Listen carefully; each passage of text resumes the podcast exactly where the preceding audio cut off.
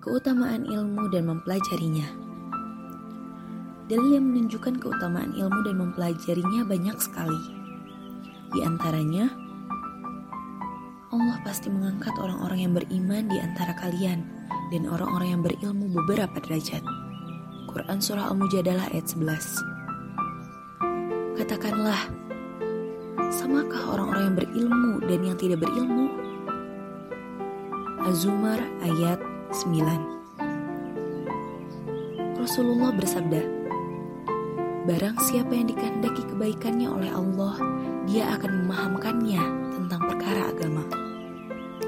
Sabdanya, Barang siapa menempuh jalan untuk mendapatkan ilmu, Allah akan memudahkan baginya jalan menuju surga.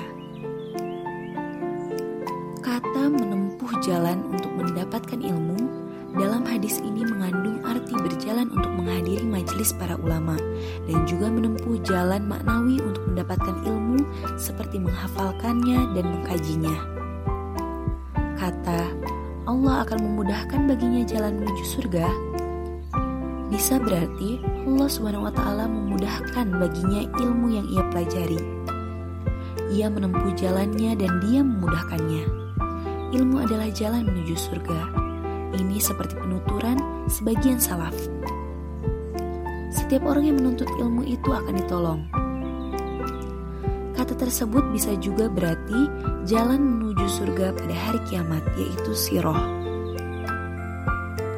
Yaitu sirot. Termasuk apa-apa yang terjadi sebelumnya dan apa-apa yang terjadi sesudahnya. Selain itu, ilmu menunjukkan tentang Allah Subhanahu wa taala dari jalan yang paling dekat. Barang siapa menempuh jalan ilmu, ia akan sampai kepada Allah Subhanahu wa taala dan kepada surga dari jalan yang paling dekat.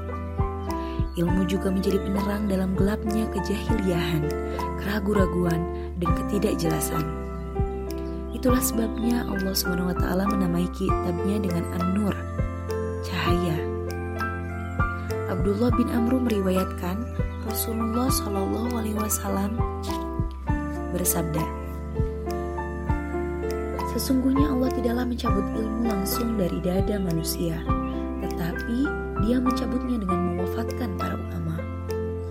Maka jika tidak ada lagi seorang alim pun, manusia akan mengangkat orang-orang yang bodoh sebagai pemimpin. Mereka ditanya, dimintai fatwa, dan mereka pun berfatwa tanpa ilmu mereka sesat, lagi menyesatkan. Ubadah bin Samit ditanya tentang hadis ini, menjawab, Aku diberitahukan kepada kalian, ilmu yang pertama kali dicabut dari manusia adalah khusyuk.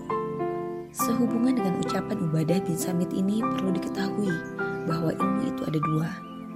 Pertama, ilmu yang buahnya ada di hati manusia, yaitu ilmu tentang Allah Subhanahu wa taala nama-namanya, sifat-sifatnya, dan perbuatan-perbuatannya yang menuntut rasa takut, pengagungan, kecintaan, roja atau pengharapan, dan tawakal kepadanya. Ini adalah ilmu yang bermanfaat. Ibnu Mas'ud berkata, Sungguh ada segolongan kaum yang membaca Al-Quran tetapi bacaan mereka tidak sampai ke tenggorokan mereka. Andai saja bacaan itu masuk ke dalam hati, terhujam ke dalamnya, pastilah ia bermanfaat. Hasan al-Basri berkata, ilmu itu ada dua. Ilmu di lidah yang akan menghujat anak Adam seperti tersebut dalam hadis. Al-Quran itu akan menjadi hujah bagimu atau menghujatmu. Dan ilmu di hati. Ilmu inilah yang bermanfaat. Ilmu yang pertama-tama dicabut adalah ilmu yang bermanfaat, yaitu ilmu batin yang dapat memperbaiki dan meluruskan hati. Sisanya ilmu lisan yang orang-orang pun meremehkannya dan tidak mengamalkannya hal-hal yang menjadi tuntutannya. Lalu ilmu ini pun hilang dengan kematian pemiliknya. Akhirnya terjadilah kiamat ketika penduduk bumi menjadi sejahat-jahat makhluk.